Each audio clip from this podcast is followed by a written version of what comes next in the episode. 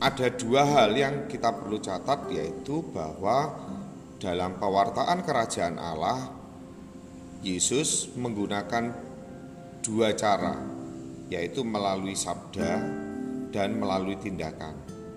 Kita lihat dulu tentang sabda ya. Allah ingin manusia memahami kehendak Tuhan ya, maka berbagai cara itu dilakukan oleh Allah supaya manusia itu paham. Manusia itu mengerti apa yang dimaui oleh Allah. Nah, salah satunya dengan sabda yang dikemas dalam perumpamaan. Jadi sebelumnya bangsa Israel juga menerima uh, sabda Allah lewat apa namanya hukum Taurat, lewat kitab suci yang mereka punyai.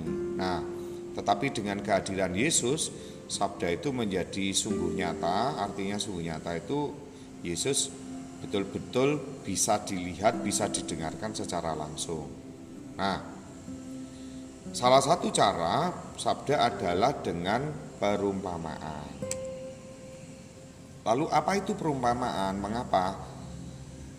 E, perumpamaan itu adalah pesan yang disampaikan dalam bahasa kiasan bahasa kiasan simbolik, imajinatif dan perbandingan. Ya. Sebentar ya.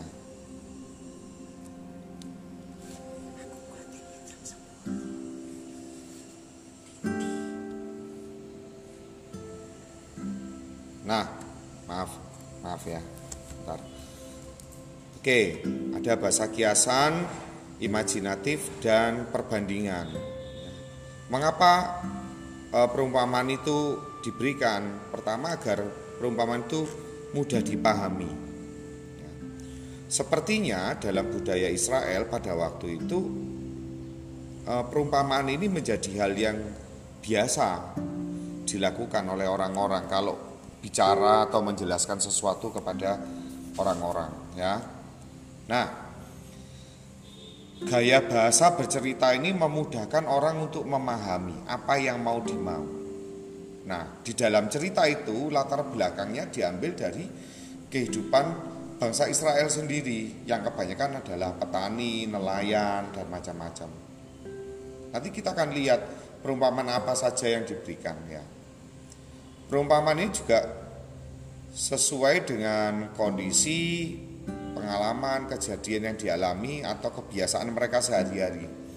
Sehingga apa yang diceritakan itu betul-betul menyentuh. Contoh saja, saya bercerita tentang ke, kepada Anda tentang e, sesuatu, tetapi menggunakan bahasa peternakan yang Anda sendiri bukan seorang peternak. Tentu Anda tidak akan memahami itu dengan baik tetapi kalau saya menggunakan bahasa yang memang akrab dalam kehidupan Anda sehari-hari ya, maka Anda akan mudah memahami. Ya, begitu juga dalam keadaan bangsa Israel pada waktu itu, mereka menerima pewartaan Yesus itu dengan bahasa yang mereka pahami. Ya, oke, kita lihat contohnya. Nih, ada perumpamaan tentang penabur. Nah, ini tentu berhubungan dengan kehidupan mereka sebagai petani, ya. Ada perumpamaan tentang pukat. Pukat itu jala. Nah, itu berhubungan dengan kehidupan mereka sebagai nelayan. Lalang di antara gandum dengan pertanian, tentang mutiara yang hilang, tentang benih itu. Itu dunia mereka. Mari kita lihat uh, inti yang disampaikan dalam perumpamaan. Pertama, tentang perumpamaan penabur. Di dalam perumpamaan penabur, Yesus mau mengatakan bahwa untuk mencapai kerajaan Allah itu selalu ada tantangan, ya. Betapapun Yesus itu gagal mewartakan kerajaan Allah, tetapi Yesus tidak pernah putus asa ya untuk mewartakan kerajaan Allah mewartakan kebaikan itu gampang saja gini lah. Kamu ngomong tentang kebaikan itu kan juga hal yang sulit toh, gitu loh. Memberitahu orang untuk menjadi baik itu tidak gampang. selalu ditentang, selalu di dikucilkan ya. Bahkan anak yang mengingatkan temannya yang berbuat salah pun itu aja bisa ditentang oleh teman-temannya sendiri gitu. Dianggap menjilat, dianggap uh, wah ini pro A, pro B ya. Di Indonesia juga sulit kok menentang kejahatan korupsi itu. Selalu mendapat pertentangan. Sama ini Yesus juga waktu itu berusaha e, menentang kejahatan tapi juga selalu menghadapi tantangan.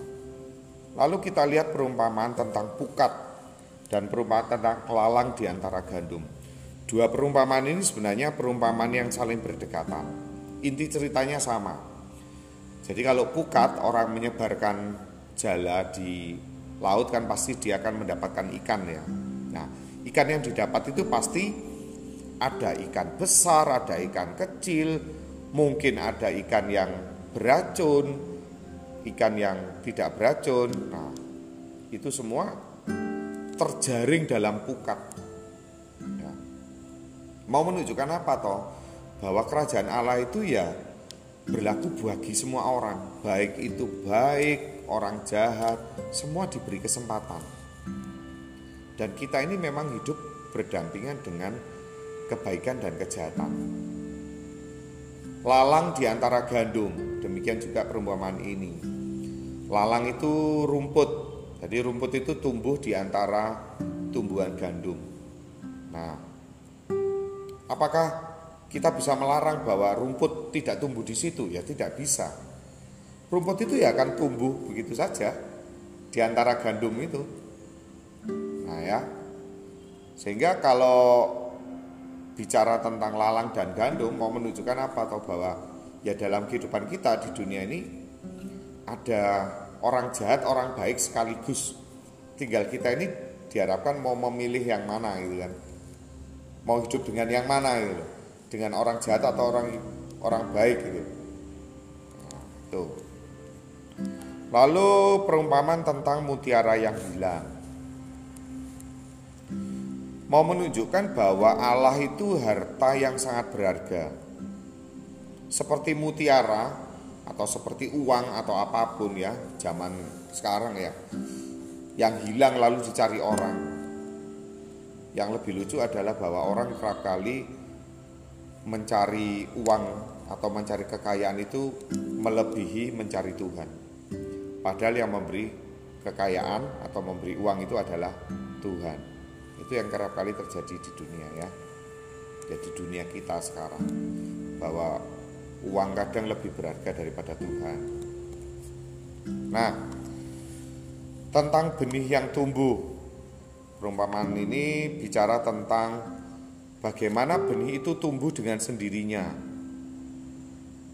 Ya, memang manusia menyiram, tetapi kadang benih itu ada benih-benih yang nggak perlu disiram dia tumbuh. Kalau Anda tahu kangkung ya, kangkung itu disebar aja itu dia tumbuh atau rumput di rumahmu atau di halaman rumahmu atau di tamanmu ya. Rumput itu kamu cabut berapa hari kemudian tumbuh lagi. Itu mau menunjukkan apa atau dalam perumpamaan ini bahwa eh, kerajaan Allah itu tumbuhnya berdasarkan kehendak Allah. Allah yang menghendaki bukan semata-mata usaha manusia. Ya. Itu yang mau diajarkan kepada orang-orang Israel oleh Yesus melalui perumpamaan. Oke. Sorry ya saya minum ya.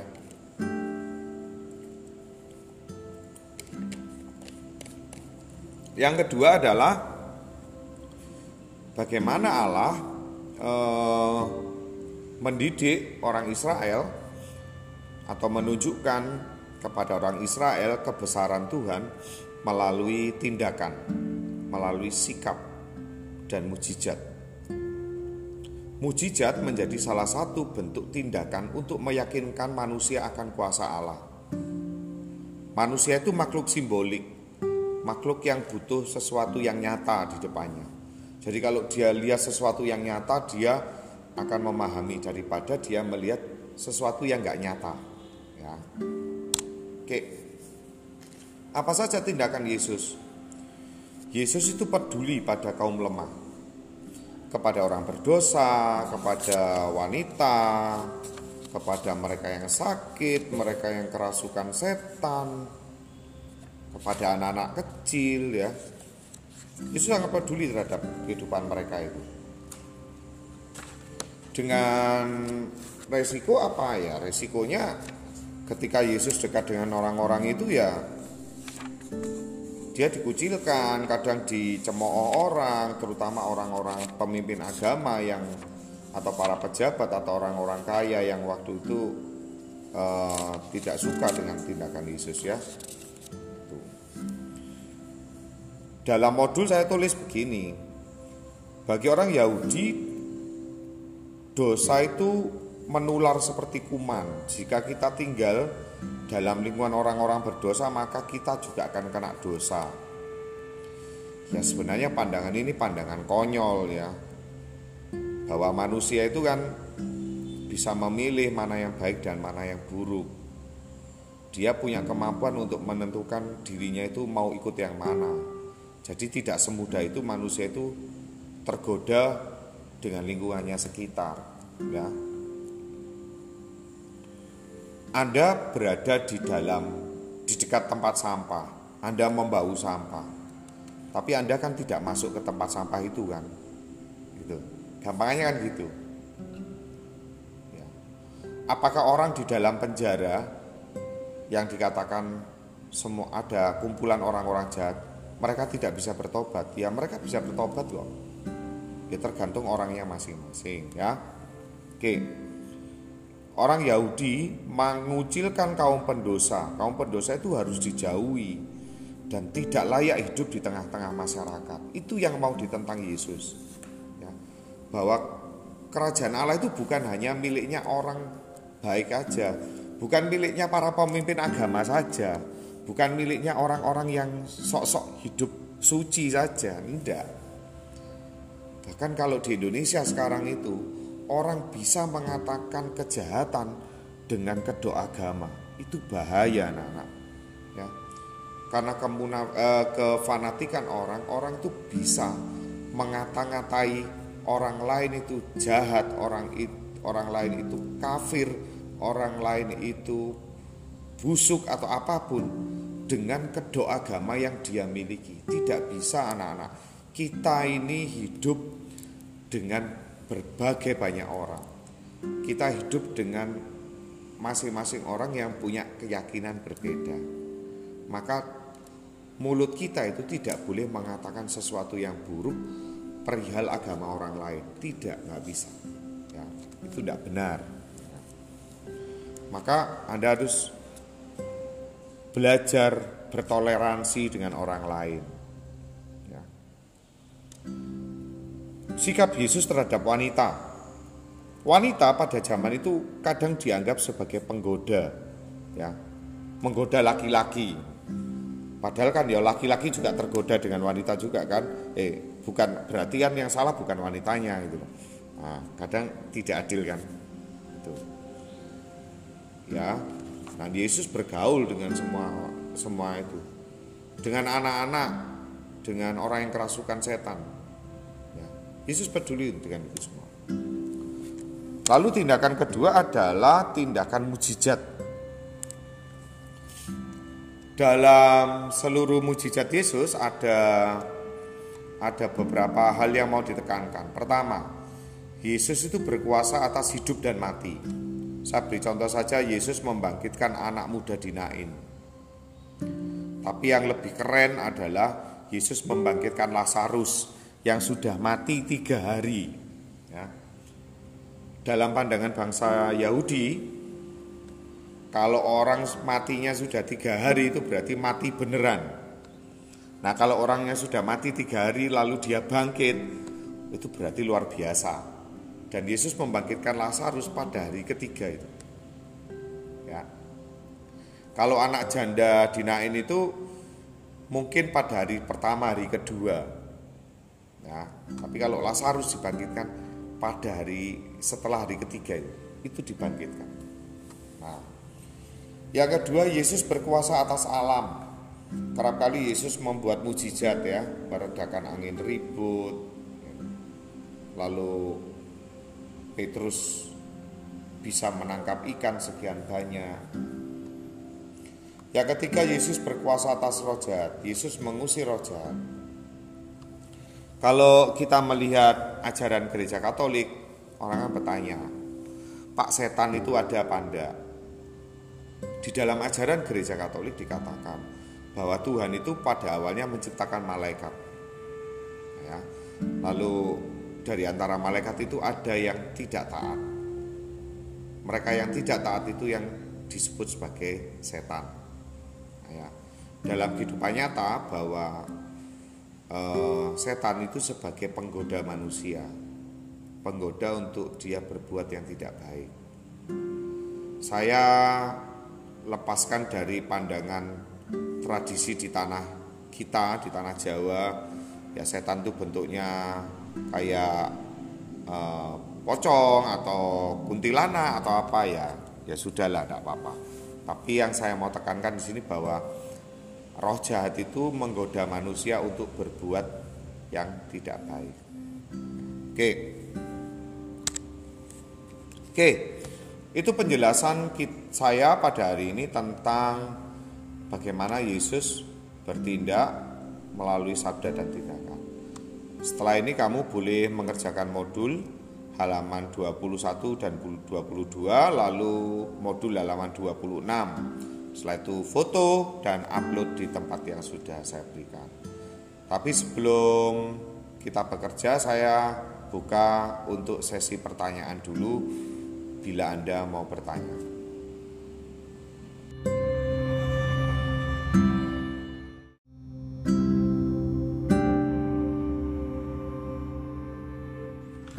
Baik, di dalam peristiwa sengsara wafat dan kebangkitan Kristus ada lima peristiwa penting yang saya catat yang sering kali orang juga mencatatnya yaitu tentang perjamuan malam terakhir.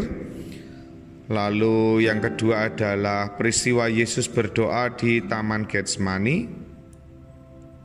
Yang ketiga adalah kisah pengadilan Yesus yang keempat adalah penyalipan dan wafat Yesus, lalu yang kelima adalah kebangkitan Yesus. Kita akan lihat satu persatu. Sambil menyiapkan catatan, silakan Anda mencatat dan mendengarkan. Perjamuan malam terakhir. Perjamuan malam terakhir itu ada dua peristiwa, yaitu peristiwa perjamuan itu sendiri dan yang kedua adalah peristiwa pembasuhan kaki. Peristiwa perjamuan yang dilakukan Yesus sebenarnya peristiwa perjamuan yang sudah umum dilakukan oleh orang Yahudi ketika mau menyambut Paskah. Peristiwa ini terjadi tiga hari sebelum Paskah Yahudi. Yesus bersama para muridnya mengadakan sebuah perjamuan syukur. Siapa yang diundang di situ? Para murid, para rasul ya. Kecuali ada satu orang yang tidak hadir. Ayo siapa? Yudas ya, Yudas Iskariot tidak hadir dalam perjamuan tersebut. Perjamuan malam terakhir adalah sebuah perjamuan kurban Mengapa dikatakan sebagai perjamuan kurban? Karena dalam perbincangan dengan para murid, Yesus mengibaratkan dirinya sebagai roti, yaitu tubuhnya, dan anggur, yaitu darahnya, yang akan dikorbankan bagi banyak orang. Tentu apa yang dikatakan Yesus ini tidak dimengerti oleh para murid pada waktu itu. Mereka tidak memahami apa yang dimaksud Yesus ini. Bahkan dikatakan Petrus pun menentang apa yang dikatakan Yesus. Ya, Petrus pun menentang apa yang dikatakan Yesus. Nah, peristiwa kedua adalah peristiwa pembasuhan kaki para rasul. Dalam tradisi Yahudi, adalah umum membasuh kaki tamu atau uh, mereka yang datang ke perjamuan. Tetapi umumnya pekerjaan ini tidak dilakukan oleh mereka atau orang yang mengundang atau tuan rumah. Nah, di dalam peristiwa pembasuhan kaki ini justru Yesus sendiri yang melakukan. Dia guru para murid yang melakukan pembasuhan. Pekerjaan yang seharusnya dilakukan oleh seorang pelayan atau seorang budak tetapi dikerjakan oleh Yesus sendiri sebagai tuan rumahnya. Mau menunjukkan apa? Ya, sebuah pelayanan kerendahan hati.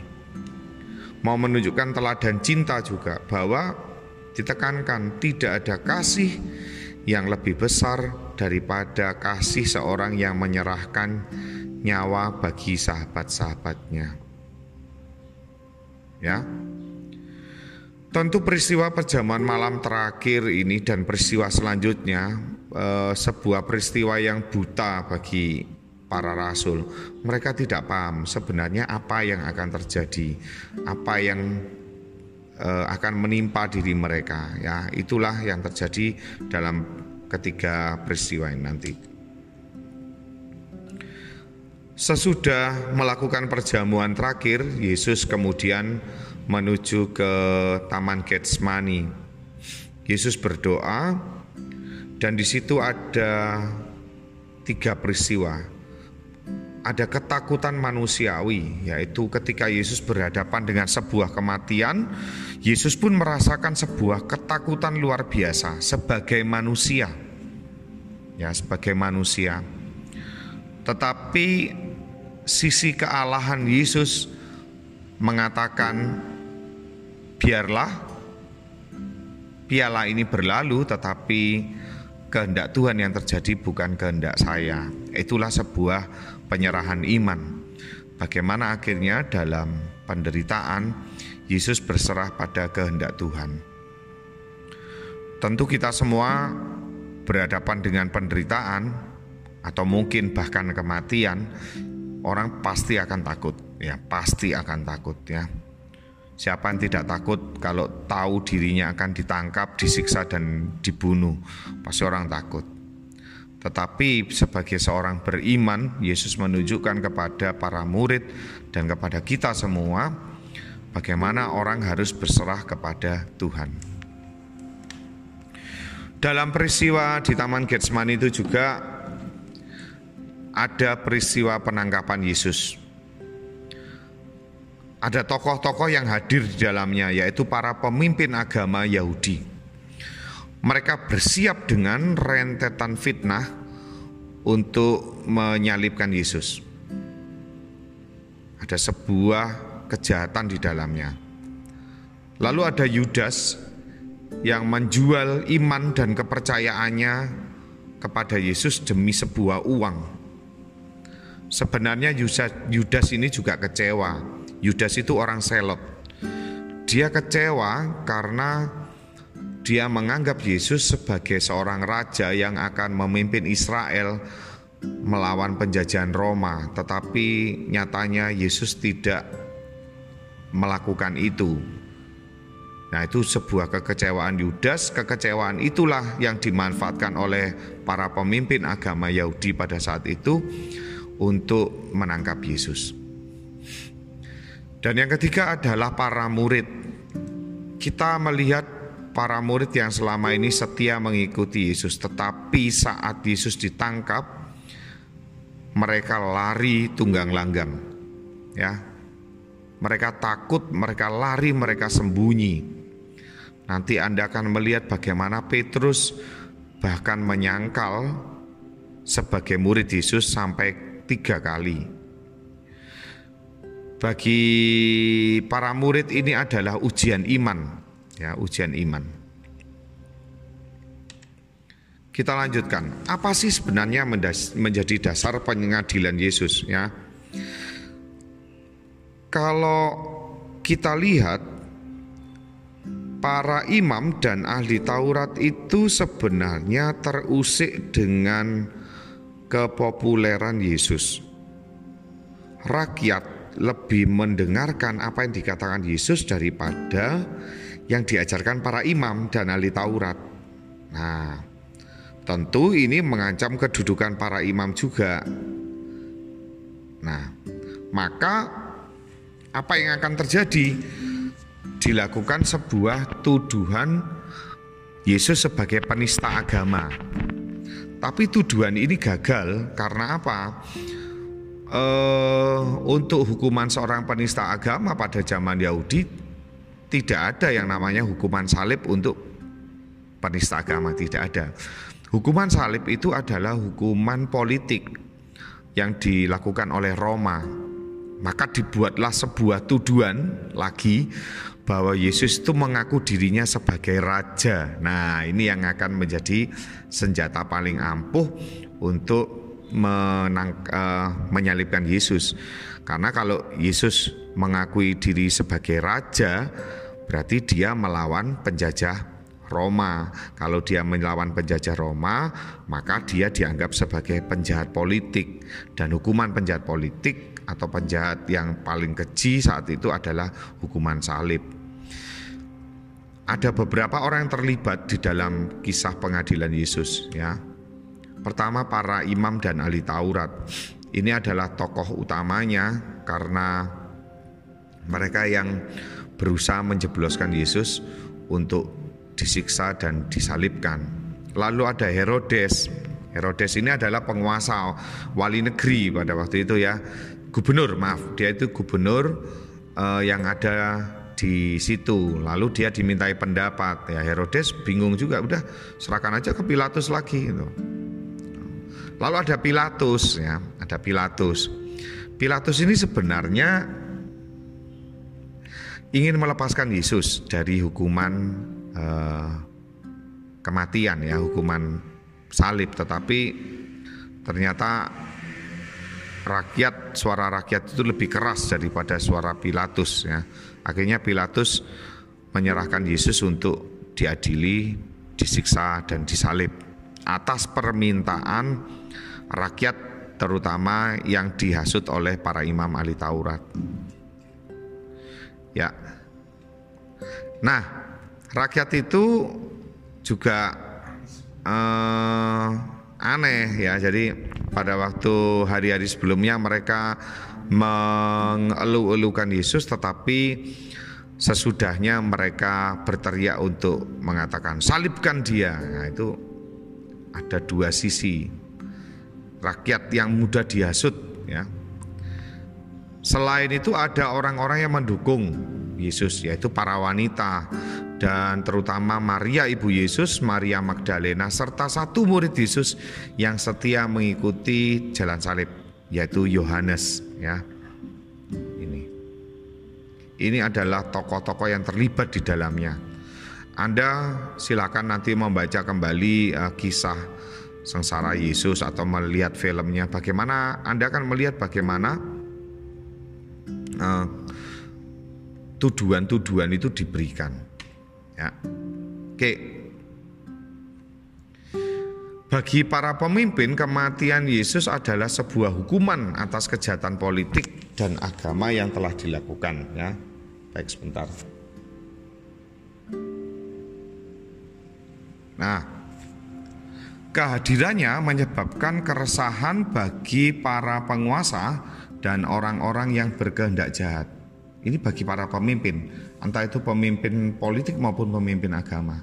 Tetapi bagi Allah, kematian Yesus itu perlu dilihat sebagai sebuah cinta yang harus ditebus dengan pengorbanan. Ya. Jadi bagaimana Allah mencintai manusia, Allah ingin membebaskan manusia dari belenggu dosa, dengan sebuah pengorbanan. Ini sebenarnya ada penjelasannya yang lebih detail, tetapi saya khawatir nanti Anda tambah bingung ya. Nah, tulisan ini ada di salib gereja kayu tangan ya, gereja kayu tangan, gereja Katolik kayu tangan. Allah itu kasih dan kasih itu kurban. Ini kata-kata yang sangat dalam. Jadi antara kasih dan kurban itu berhubungan. Kalau Anda ingin melihat wujud kasih dan kurban, tidak usah terlalu jauh, ya. Lihat orang tua Anda. Itu bagaimana mereka berkurban dengan segala yang dilakukan sebagai bentuk kasih kepada Anda. Terutama mama kalian yang sudah melahirkan kalian, itu taruhan nyawa. Jadi betul bahwa dikatakan Allah itu kasih dan kasih itu kurban. Lalu apa maknanya bagi kita anak-anak? Ya. Sebagai muridnya kita harus belajar dari sikap Yesus menghadapi penderitaan. Yaitu pertama tabah, lalu punya iman, berani menghadapi, berani mengambil sebuah resiko demi sebuah kebenaran dan keadilan, lalu solider terhadap mereka yang miskin, menderita, tertindas, dan membutuhkan pembebasan dalam hidupnya.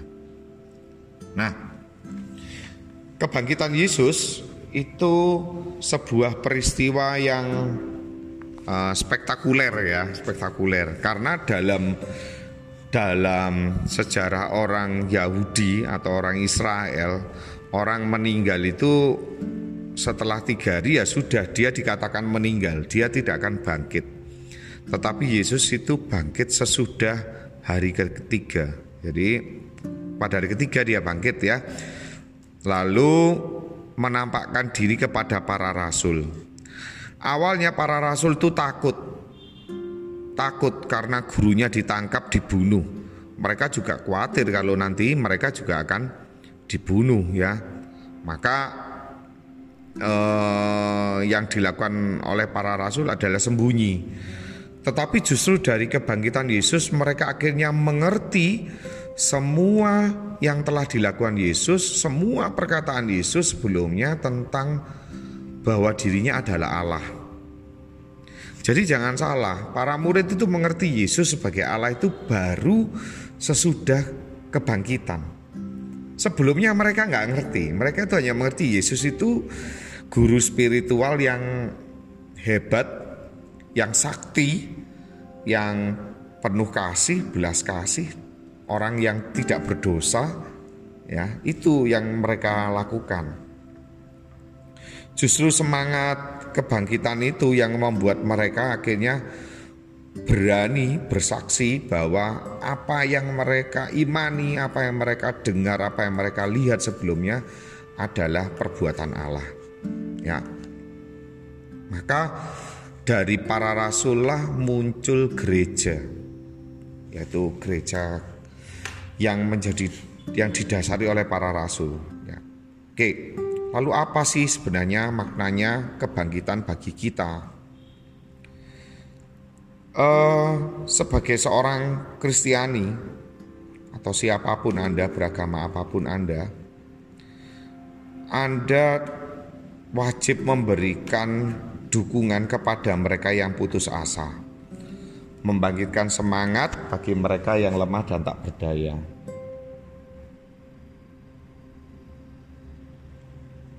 Nah, serta mendampingi mereka yang sedih dan bermasalah. Saya kira itu yang bisa kita lakukan. Jadi, kalau Anda mau menunjukkan iman Anda sebagai seorang Kristiani, ya lakukan dalam kata dan perbuatan. Tentu ini bukan hal mudah, tapi saya yakin ya Anda pasti bisa melakukan. Oke, itu presentasi kita hari ini. Selanjutnya kita akan buka tanya jawab.